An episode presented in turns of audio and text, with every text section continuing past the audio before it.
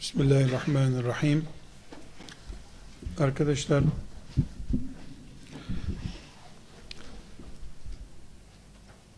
Müslüman insan yüzeysel yaşaması mümkün olmayan insandır. Yüzeysellikle ne kastetmek istiyorum? Bir trafik kazasını incelediğimizde yüzeysel bakanlar A aracı B aracına çarptı filanca sonuç oldu derler. Ama işin uzmanı A aracındaki uykusuz araç kullandığı için B aracına şöyle çarptı derler. Biz Müslüman olarak elimizde Kur'an'la yaşıyoruz. Kur'an bizi olayların yüzeysellik ötesinde sırrını bilmiş olarak yaşamaya hazırlıyor aslında. Öyle olması gerekiyor. Şüphesiz düşenimiz, kalkanımız oluyor. Müslüman olduğu halde kendisine uygun olmayan bir hayat yaşayan oluyor. Ama neticede biz Müslüman olarak Allah'ın elimize rehber için koyduğu Kur'an varken yüzeysel bir insan olarak yaşayamayız. Bu yüzeyselliği bugünkü konuşmamızda göz üzerinde kullanmak istiyorum arkadaşlar. Bu yaşadığımız hayatta en aktif kullandığımız organlarımızdan birisi göz organımız, görme yeteneğimizdir arkadaşlar.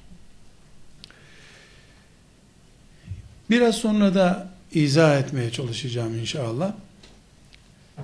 Biz görme kapasitemizi, görme duyumuzu bize ne kadar etki yapıyor diye bir araştıracak olsak mesela bir öğrencinin çok yüksek puanlı olmasında gözün etkisi ne kadardır diye araştıracak olsak bilmiyorum böyle bir araştırmaya siz rastladınız mı? Öğrencinin başarısındaki etken unsur olarak göz diye bir değerlendirmeye çok zor rastlarsınız. İşte zekası, okuduğu okulu veya diğer çalışkanlığı, tembelliği gibi farklı nedenler karşınıza çıkar. Gözün etki alanının bir öğrencinin başarısındaki etkisini pek duymazsınız. Bu söze başlarken vurgulamasını yaptığım hayata yüzeysel bakmanın sonuçlarından birisidir. Müslüman olarak yaşadığımızda gözün üzerimizde ciddi etkisi var. Bu ciddiyete biraz sonra örnekler vereceğim. Matematikten İngilizce öğrenmeye veya bir iş sahibi olmaya, iyi bir sosyal hayat yaşamaya varıncaya kadar pek çok alanda da gözümüzün etkisi altındayız biz aslında. Bunun için Kur'an-ı Kerim müminleri yönlendirirken kulaktan ve gözden söz eden ayetleri de var. Kulak ve göz duyumuzun yani duyma ve görme duyularımızın sorumluluğumuzla ilgili olduğunu hem söylüyor Allah Teala hem de başka bir ayette direkt emir vererek müminlerin erkeklerine ayrı, kadınlarına ayrı hitap edip söyle müminlere gözlerine dikkat etsinler diyor. Gözlerine dikkat etsinler. Bu da özellikle mümin erkeklere söyle diye bir ayet var. Öbür ayette de mümin kadınlara söyle diye başlıyor ayet. İkisinde de gözlerine dikkat etsinler buyuruyor. Dedik ki Kur'an yüzeysel bir hayat yaşamamıza engel. Hayatı derin düşüncelerle derinlemesine yaşamak zorundayız. Kur'an'ımız eğer müminler gözlerine dikkat etsinler. Kadınlar ve erkekler olarak gözlerine dikkat etsinler diyorsa biz gözde dikkat edilmemesi halinde bizim yüzeysel kalma nedenlerimizdendir diye anlamış olmamız gerekiyordu. Bu yüzeysellik cennete girip girmemekte de geçerli. Filan derste başarılı olup olmamakta da geçerli. Yani biz sadece ahiretle ilgili yatırımımız üzerinden hayatı değerlendirmiyoruz ki. Dünya hayatında da matematiksel başarımızda, sosyal kimliğimizin vasıflı, kariyeri yüksek olmasında da geçerli kurallardan söz ediyor Kur'an-ı Kerim. Namazımız da, orucumuz da sadece cennet için değil arkadaşlar. Namaz, oruç, zekat, Allah neyi emrettiyse ibaret olarak bizim günlük hayatımızdaki kimliğimize de şekil veriyor olması lazım. Sadece namaz örneğini ele alalım. Kur'an-ı Kerim namazdan söz ederken namaz kötülüklerden ve çirkinliklerden alıkoyar diyor. Alıkoyar. Sadece kötülük dese zina, kumar, faiz gibi hepimizin gözünde ağır olan suçları ele alacaktık. Namaz kılan zina yapmaz, kumar oynamaz gibi algılayacaktık. Çirkin işler diye bir ifade de kullanıyor Kur'an-ı Kerim. Yani seviyesiz insanların yapacağı işleri de namaz kılan yapmaz. Diyor açıkça ayet. Filanca Müslüman namaz kıldığı halde hala böyle bir sorun yaşıyorsa yani namaz kıldığı halde çirkin, seviyesiz işleri yapan birisi ise e Kur'an ayetinde bir yanlışlık veya abartı olmayacağına göre bu insanın namazında bir yanlışlık var. Nedir o yanlışlık? Namaz henüz kıvamında bir namaz değildir. Tuzu, şekeri ayarlı bir namaz değildir. Gerekli fonksiyonu icra etmiyordur. İlacın dozajında sıkıntı var. Etken maddesi etkenliğini kaybetmiştir. Etken maddesi senin bünyene göre olmayan bir namaz kılıyorsun. Sen ne yapıyorsun? Namazda e, kaşınabildiğin kadar kaşınıyorsun, uyuz oluyorsun namaz kılarken. Bu seni uyuz hale getiren ya da e, üniversite imtihanında çözemediğin bütün soruları namazda çözmeye başlıyorsun. Çözdürüyor. Senin üzerinde otorite kurmaya çalışan şeytan çözdürüyor.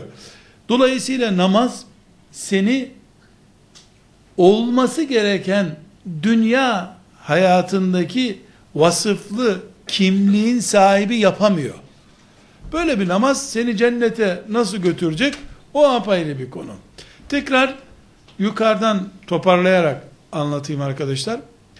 Biz elimizde Kur'an olan insanlarız.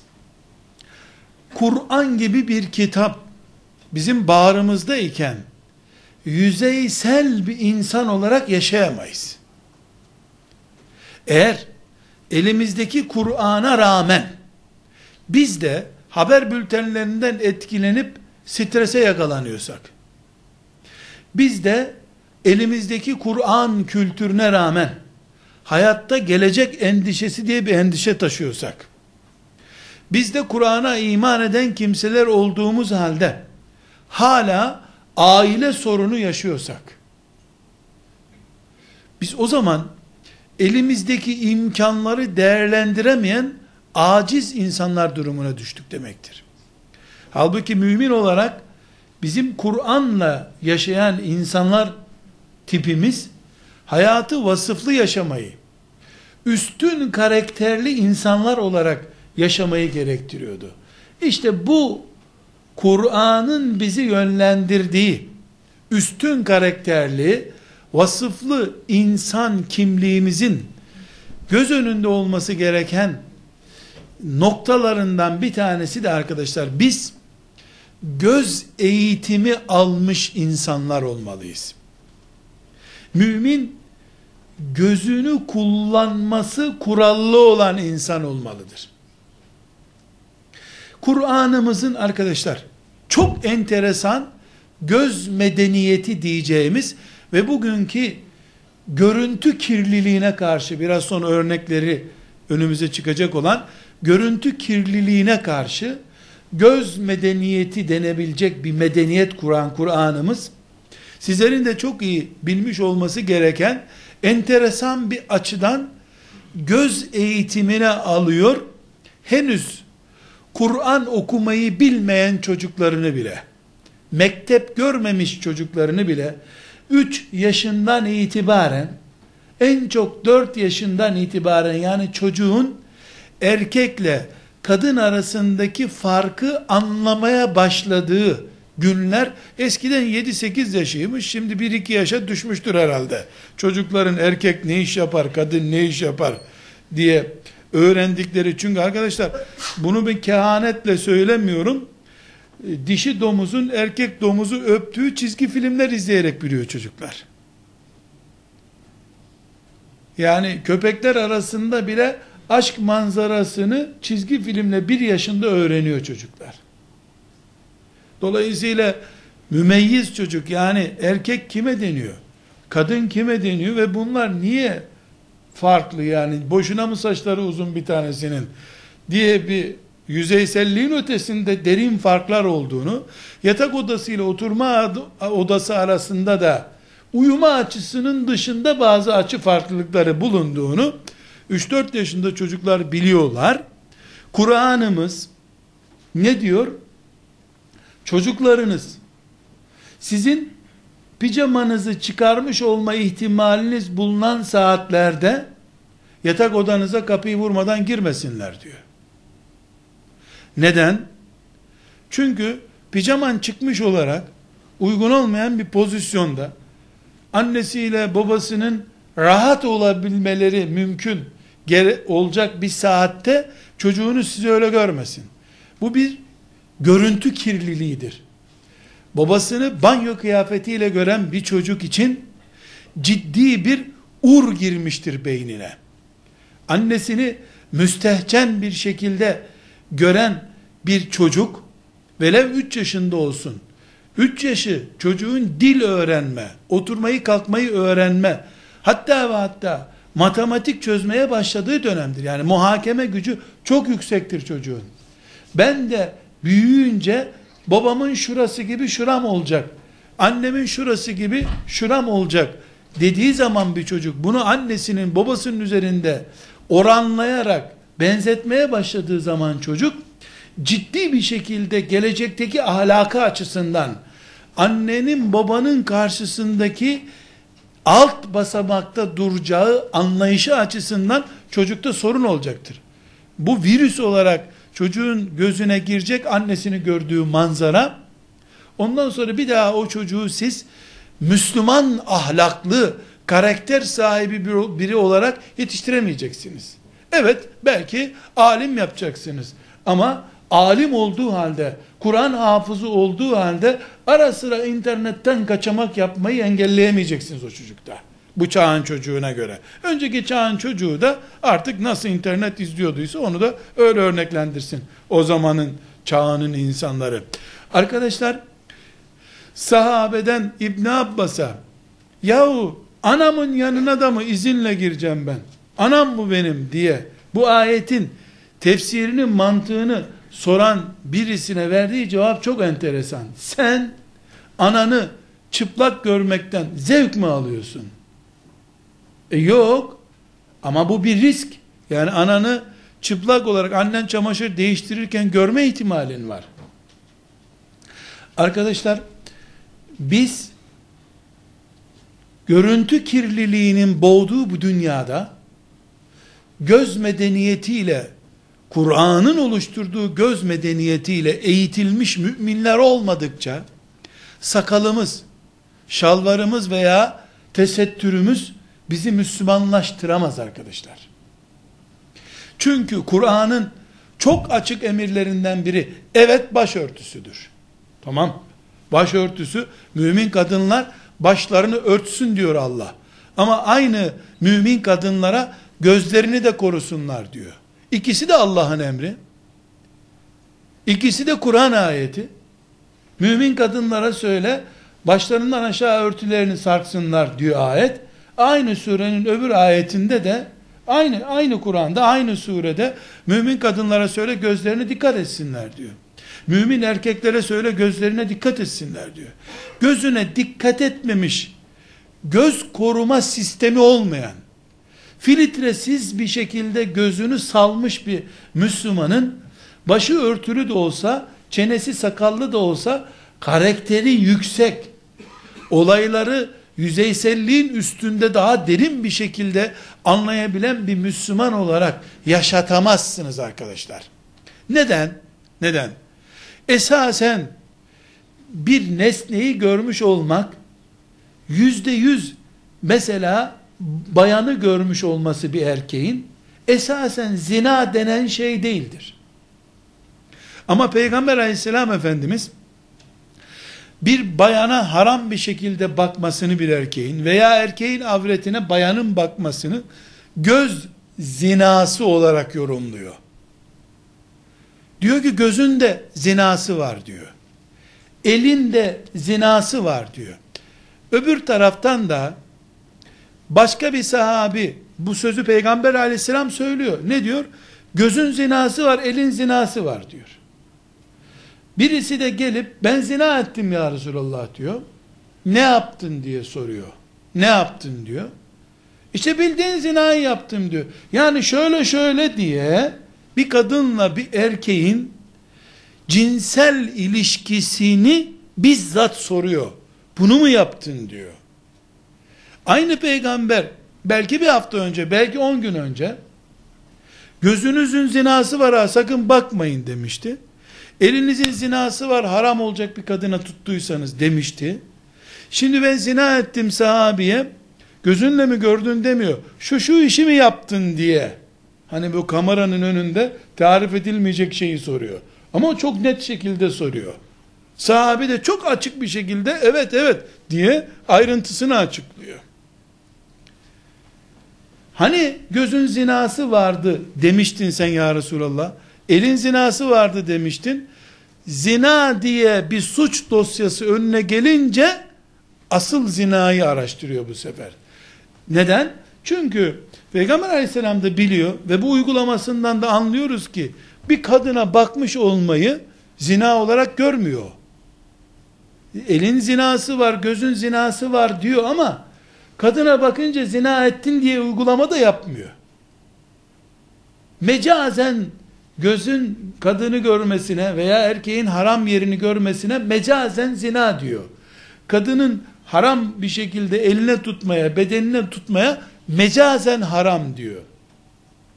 Ama zina nedir sorusuna da net bir şekilde iki cinsel organın birleşmesidir diyor. Peki burada bize ne sonuç çıkıyor arkadaşlar? Göz medeniyetinin içi doluyor böylece. Göz eğitimi yapıyor sevgili Peygamber aleyhisselam Efendimiz. Neden? Çünkü bir insan gördüğünü, duyduğunu, kokladığını, ellediğini inceler. Beyinde yer edecek bir şeyin görülmüş olması, tutulmuş olması, koklanmış olması gerekir. Ellenmemiş bir şeyin, görünmemiş bir şeyin dosyası olmaz insan beyninde. Hayal olur, hayale kendi de inanmaz. Bir Müslümanı şeytan zinaya sevk edeceği zaman direkt bir kadın arayışı içerisine sokmaz onu. Çünkü Müslüman insan hemen zinaya atlayacak kadar boşlukta insan değildir. Kumar oynayan, faiz yiyen bir Müslüman olsa bile hemen zina atmosferine sokamaz onu şeytan. Bunun bir altyapısını oluşturması lazım. Bu altyapıyı elle, gözle, kulakla yapar. El seviyesi çok ileri seviye. Yani bayağı branşlaşmayı gerektiriyor. Şeytanın onu branşlaştırması için de e, aşağı yukarı 3-4 sene peşinde koşturması lazım. E, hele e, ilim meymanın yurdunda kalan bir genç için çok zor hemen el teması sağlamak. Ama göz teması hem ucuz hem kolay hem kontrolsüz. Bunun için şeytan herhangi bir hataya sevk edeceği zaman önce duyu organlarını kullanır. Göz görünce bunu bir daha bilgisayardaki gibi sil diye silemiyorsun. Gerçi bilgisayardan da silinmiyor herhalde. Oradan da bir şey silemiyorsun. Polis istediği zaman istediği şeyi buluyor. Ya da buldum diye vatandaşların anasını ağlatıyor. Bu ayrıntıyı da bilmiyorum. Bir şey buldum diyor işte. Ne bulduğunu vatandaşa göstermiyor nasıl olsa. Devlet sırrı diyor. Buldum diyor. Atıyor içeri. Ama mecbur inanıyorsun. Çünkü Amerika'da buldurttum dediğine göre doğrudur demek ki. Şimdi arkadaşlar ne yapıyor şeytan? Tertemiz işte melek gibi diyorlar ya. Melek gibi bir delikanlıya, bir bayana onun ilk etapta esasen cinselliğini de gece uykularını da rahatsız etmeyecek bir görüntü gösteriyor. Nedir bu? Bayanın başörtüsüdür. Başörtüye bakmak haram değil. Hiçbir mezhepte, hiçbir iştihatta başörtü, başörtüsünü bakmak, mesela tuhafiyeci dükkanına gidip 3-4 tane başörtü sersene buraya abi deyip başörtüler üzerinden tatmin olma hobisi valla olsa olsa çılgınlık ve deliliktir. Yani tuhafiyeci önce evli misin arkadaşım hanımına mı alıyorsun diyecek. Yok abi deyince nişanlına mı alıyorsun? Yok. Valla cinsellik duygularımı gideriyorum böylece desen adam seni herhalde o başörtüsüyle asar yani. Deli misin nesin? Yani elbette başörtüsü bir erkek için cinsellik oluşturmuyor arkadaşlar. Veya e, ciddi bir pala bıyık bir kadın için cinsellik oluşturmuyor. Ama bıyıkların altındaki dudak ilk sinyalizasyon merkezi. Dudağın üstündeki bıyık değerli, başın üstündeki başörtü değerli. Başörtüsü haram değil. Ama kadının başındaki örtünün radarlanması tehlikeli. Tıpkı zinanın gözle ilgili bir şey olmadığı halde zinaya giden süreci şeytan gözle başlattığı için gözü kollamamızı Allah emretmişti. Gözünü koruyamayan Müslümanın belini koruması çok zor arkadaşlar. Ama dediğim gibi üniversite bile 4 yılda bitiyor da e, şeytanizm fakültesi herhalde 4 saatte bitmez. Onun da belli bir süreci var. 5 sene sonra, 20 sene sonra, belki 50 sene sonra bir zinaya düşürüp ahiretini kökten berbat etmek için şeytanın 50 sene emeğe acımayacağını hepimiz bilmemiz lazım arkadaşlar. Acelesi yok ki. Senin derdin var, fakülte bitireceksin, hayata adım atacaksın, evleneceksin, çocukların olacak, emekli maaşın olacak, ondan sonra hacca gideceksin. Uf, senin acelen var. 50-60 sene muhtemel bir hayata bunları sığdırman lazım. Şeytanın en az 60 bin senesi daha var diye düşünüyordur o. Acelesi yok. Çok büyük bir profesyonellikle geliyor. Çok geniş bir zaman dilimi kullanıyor. Dolayısıyla sen 50 sene sonra zinaya düşeceksen 4 yaşında 5 yaşındayken amcanın kızının çıplak görüntüsünü sana verir o. Dolayısıyla 5 yaşından itibaren sen çıplak bir kadının ne olduğunu görmüş birisi olursun. Bu nedenle şeriatımız şimdiki aklınca humanist olan, aklınca samimi bir humanist de yoktur dünyada ya, aklınca humanist olan birileri yahu 4 yaşında kızı da kadın gibi görüyorsunuz. Ayıp be ne müstehcen bu hocalar, terbiyesiz hocalara bak ya. Kızın, bebeğin cinsiyeti olur mu filan diyorlar ya. Ben de merak ediyorum yani bebekler 15 yaşından sonra mı kadınlık organı taktırıyorlar? Elbette amcasının kızını ya da kendi kız kardeşini 4-5 yaşındaki bir abisi gördüğü zaman zina etme gözüyle bakmıyor elbette. Ama bir sorunun cevabını bulmamız lazım. Gördüğü çıplak kız sahnesini bir daha unutabilmesi mümkün mü onun? Tövbe ettim o sahneyi sildim diyebiliyor mu? Yoksa kadın ve kız çocuğu dendiğinde hemen dosya açılıyor mu? Ondan sonra 20 sene, 30 sene evli yaşamış olsa bile kız ve çocuk kelimesi beyninde e, Google'una girildiği an o sahne gene gözüne gelecektir. 80 yaşında haçtan döndüğü zaman bile o sahneyi beyninden silemeyecektir.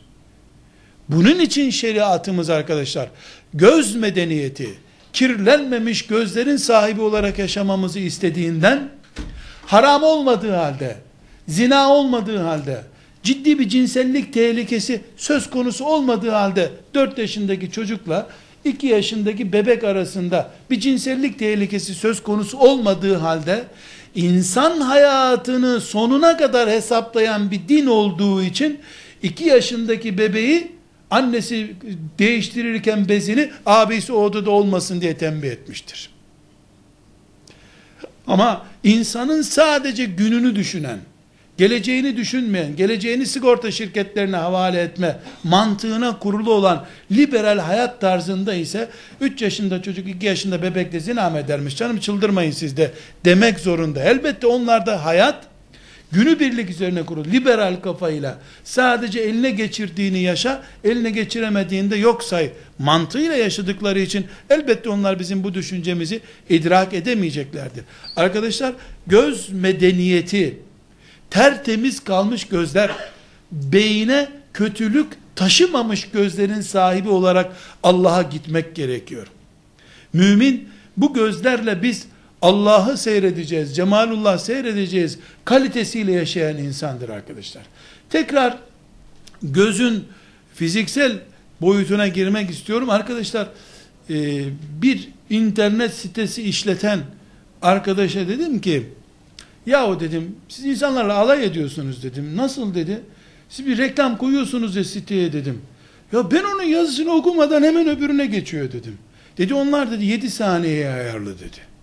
Ya bir de beni düşünün 3 numara gözlük kullanıyorum okuyamıyorum dedim. Ya dedi hocam dedi yapma böyle dedi.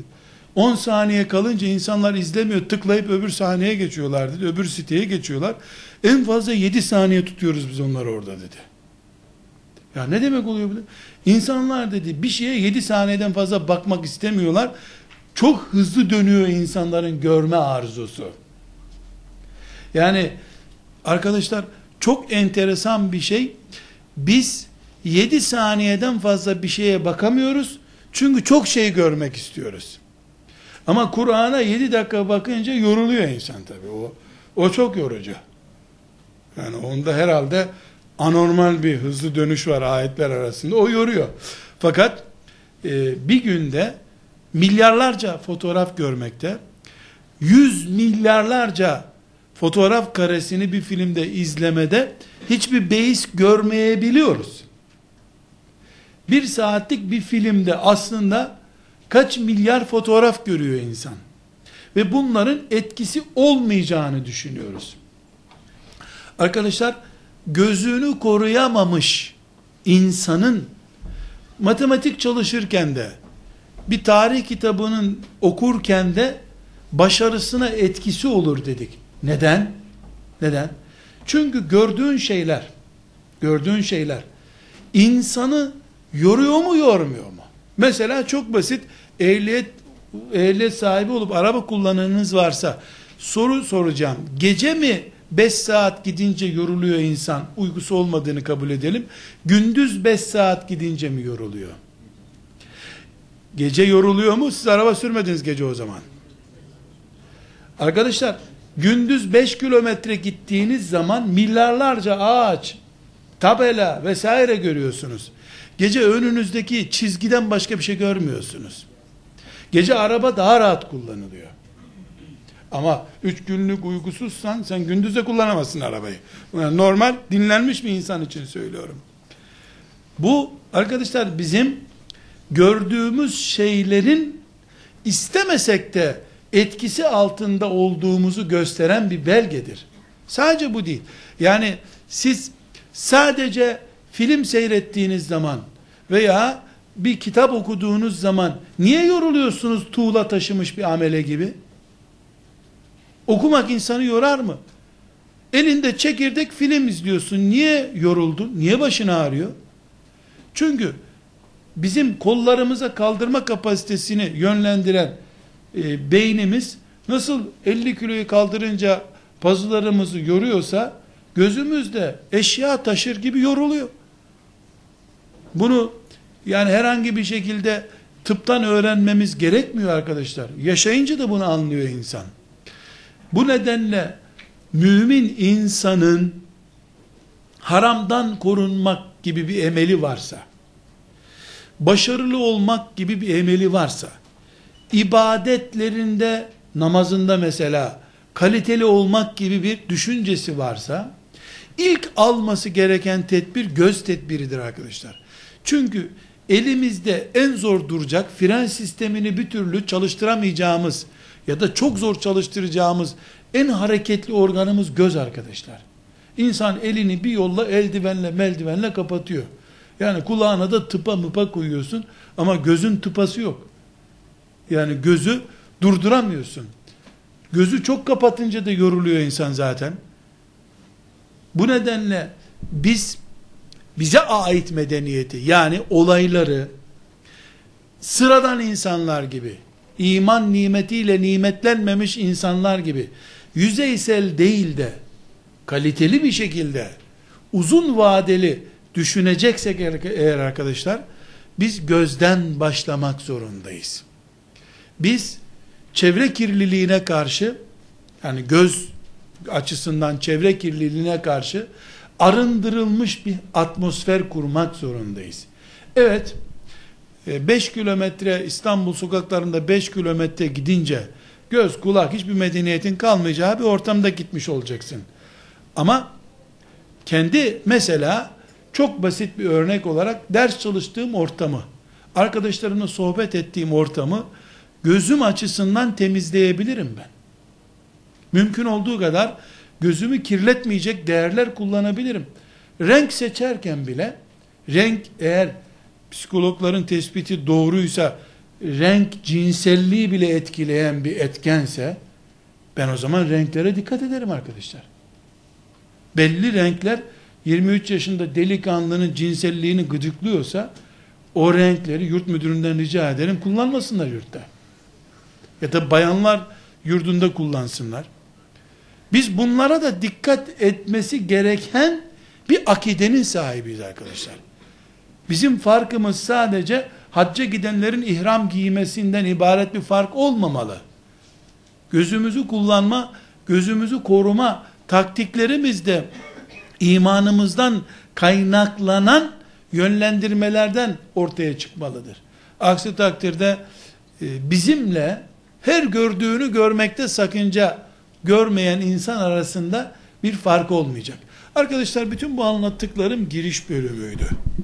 Şimdi asıl söyleyeceğim şeylere gelmem gerekiyor ama e, herhangi bir şekilde endişelenmeniz gerekmiyor. Son 3 dakikayı konuşacağım. Söyleyeceğim şey son 3 dakikaydı. Ne hikmetse bu yurtta benim kaderim hep böyle sonra başıma dert olacak. Hakkımda e, kötü reklam olacak şeyler rastlıyor. Bilerek yapmıyorum zannediyorum ama e, bu, bu yurtta bir sıkıntı var. Arkadaşlar bir kadınla bir erkeğin beraberliğini Allah sekinet olarak yorumluyor Kur'an'da. Sekinet ne biliyor musunuz? Ebu Bekir radıyallahu anh'la Efendimiz aleyhisselam Sevr mağarasında hani yalnız kalmışlardı ya müşriklerden kaçarken hicrette. Bu kadar da bir İslami bilginiz yok mu yani ben biliyorsunuz değil mi? Hani hicret yapmışlardı ha. Çok Arkadaşlar demin kadından filan bahsederken neşeliydiniz. Hicrete gelince sustu herkes. Ben de bir şey anlamıyorsunuz zannettim. Şimdi arkadaşlar hani müşrikler geldiler. Örümcek mi örümcek diye bir hikaye yok aslında. Örümcek filmler gereği kondu oralara. Ee, kapı, kapı mağaranın kapısına kadar geldiler değil mi? Ebu Bekir ne dedi orada? Bir eğilseler görecekler bizi ya Resulullah dediler. İkisi de korktular. Efendimiz sallallahu aleyhi ve sellem Allah üçüncümüz merak etme Ebu Bekir diye dedi. O sahneyi yani o müthiş ölümcül sahneyi bu iki kişiyi yüz tane silahlı insan arıyor ve bunların kafasını getirene ödül vaat edilmiş. Belli ki yani eğilip burada insan var deyip yakalayacaklar ve parçalayacaklar. Ölümle bir insanın yüzde yüz karşılaşma sahnesi. Onlara sekinet indirdik diyor. Hiç korkmadılar diyor allah Teala. Sekinet ne demekmiş demek ki? Bir İslami kavram olarak bunu açıklamak için bu örneği verdim. Sekinet, ölüm acısını bile hissetmeyecek mutluluk yaşamak demekmiş. Geliyoruz arkadaşlar Kur'an-ı Kerim,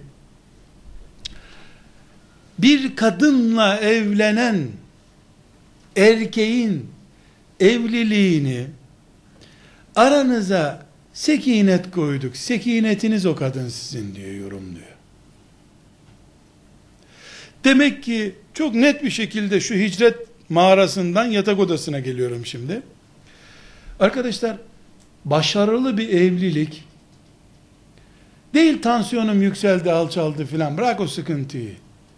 Yüz kişinin öldürmek için seni aradığı bir yerde bile huzurlu huzurlu uyup yatmak, mutfakta yemek yemek, muhabbet etmek demek ki.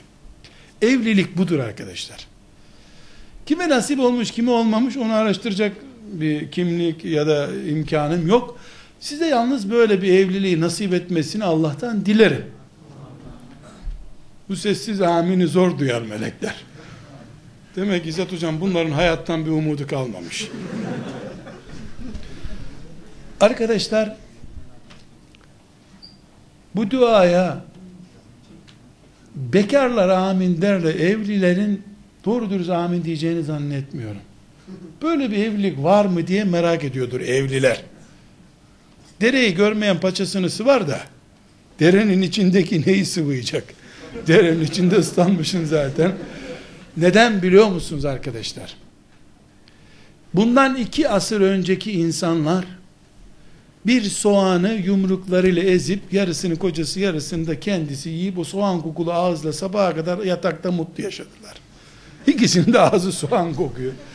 Alttaki yatakta saman, kesinlikle saman. Eğer sedirde yatmıyorsa, tahtada yatmıyorsa saman bir yatakta yatıyorlardı. Soba kalorifer diye bir şey yok. Evin camından fırtına giriyor içeri. Ama 10-15 çocuklar oldu adamların. Bırak mutlu olmayı, dünyayı kumrular gibi doldurdular bir de. Arkadaşlar, şimdi doktor tavsiyeli, bel fıtığı yapmayan yataklarda, kenarda radyatör terletiyor sabaha kadar, sıcacık odalarda, niye birbirini yiyor karı kocalar? Bunun iki büyük nedeni var arkadaşlar. En büyük nedeni, kadınlar, son 50 yılda ciddi bir sosyal güvenceye kavuştular. Boşanırsam lan erkeğin sallasını çekmektense devlet bakıyor bana diye bir mantık. Şimdi de diplomalı ve iş sahibi oldular. Erkeğe minnetsiz bir kadın nesli çıktı ortaya.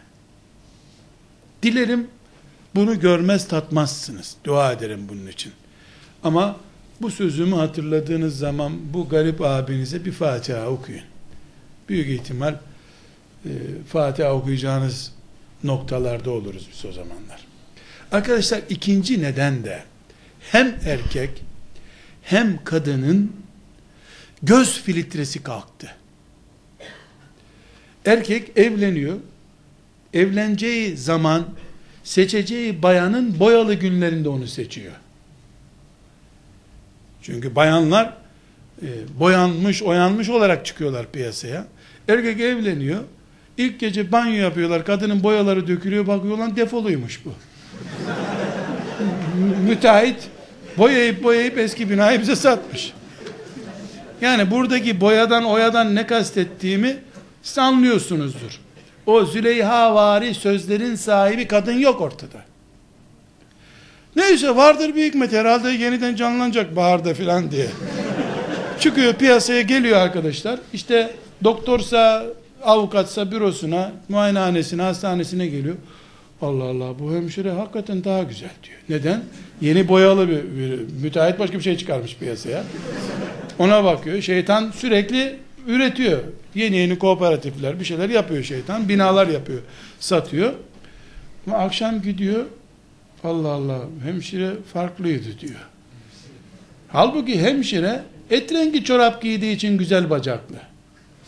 Bu kadın da akşam çorabını çıkardığı için doğal bacak rengi olduğunca e, hiçbir zaman tabi akşama kadar evde bulaşık yıkamış ya da çamaşır yıkamış, evi süpürmüş bir kadın sabahleyin 40 kişiye görünmek için çıkmış bir kadın kadar güzel değil. Olamaz zaten. Çünkü kadın seçildik, beğenildik elhamdülillah deyip vitrinden indirdi kendini. Öbürü hala vitrinde durması gerekiyor. Arkadaşlar e, gülmenizde sakınca yok. Yani ama e, dilerim e, niye güldük diye düşünmezsiniz ileride. Yani, inşallah düşünmezsiniz. Arkadaşlar bu göz filtresi sorunu kadında da var, erkekte de var. Şimdi bir erkek hanımına hitap edeceği zaman hala çayı yapmadın mı?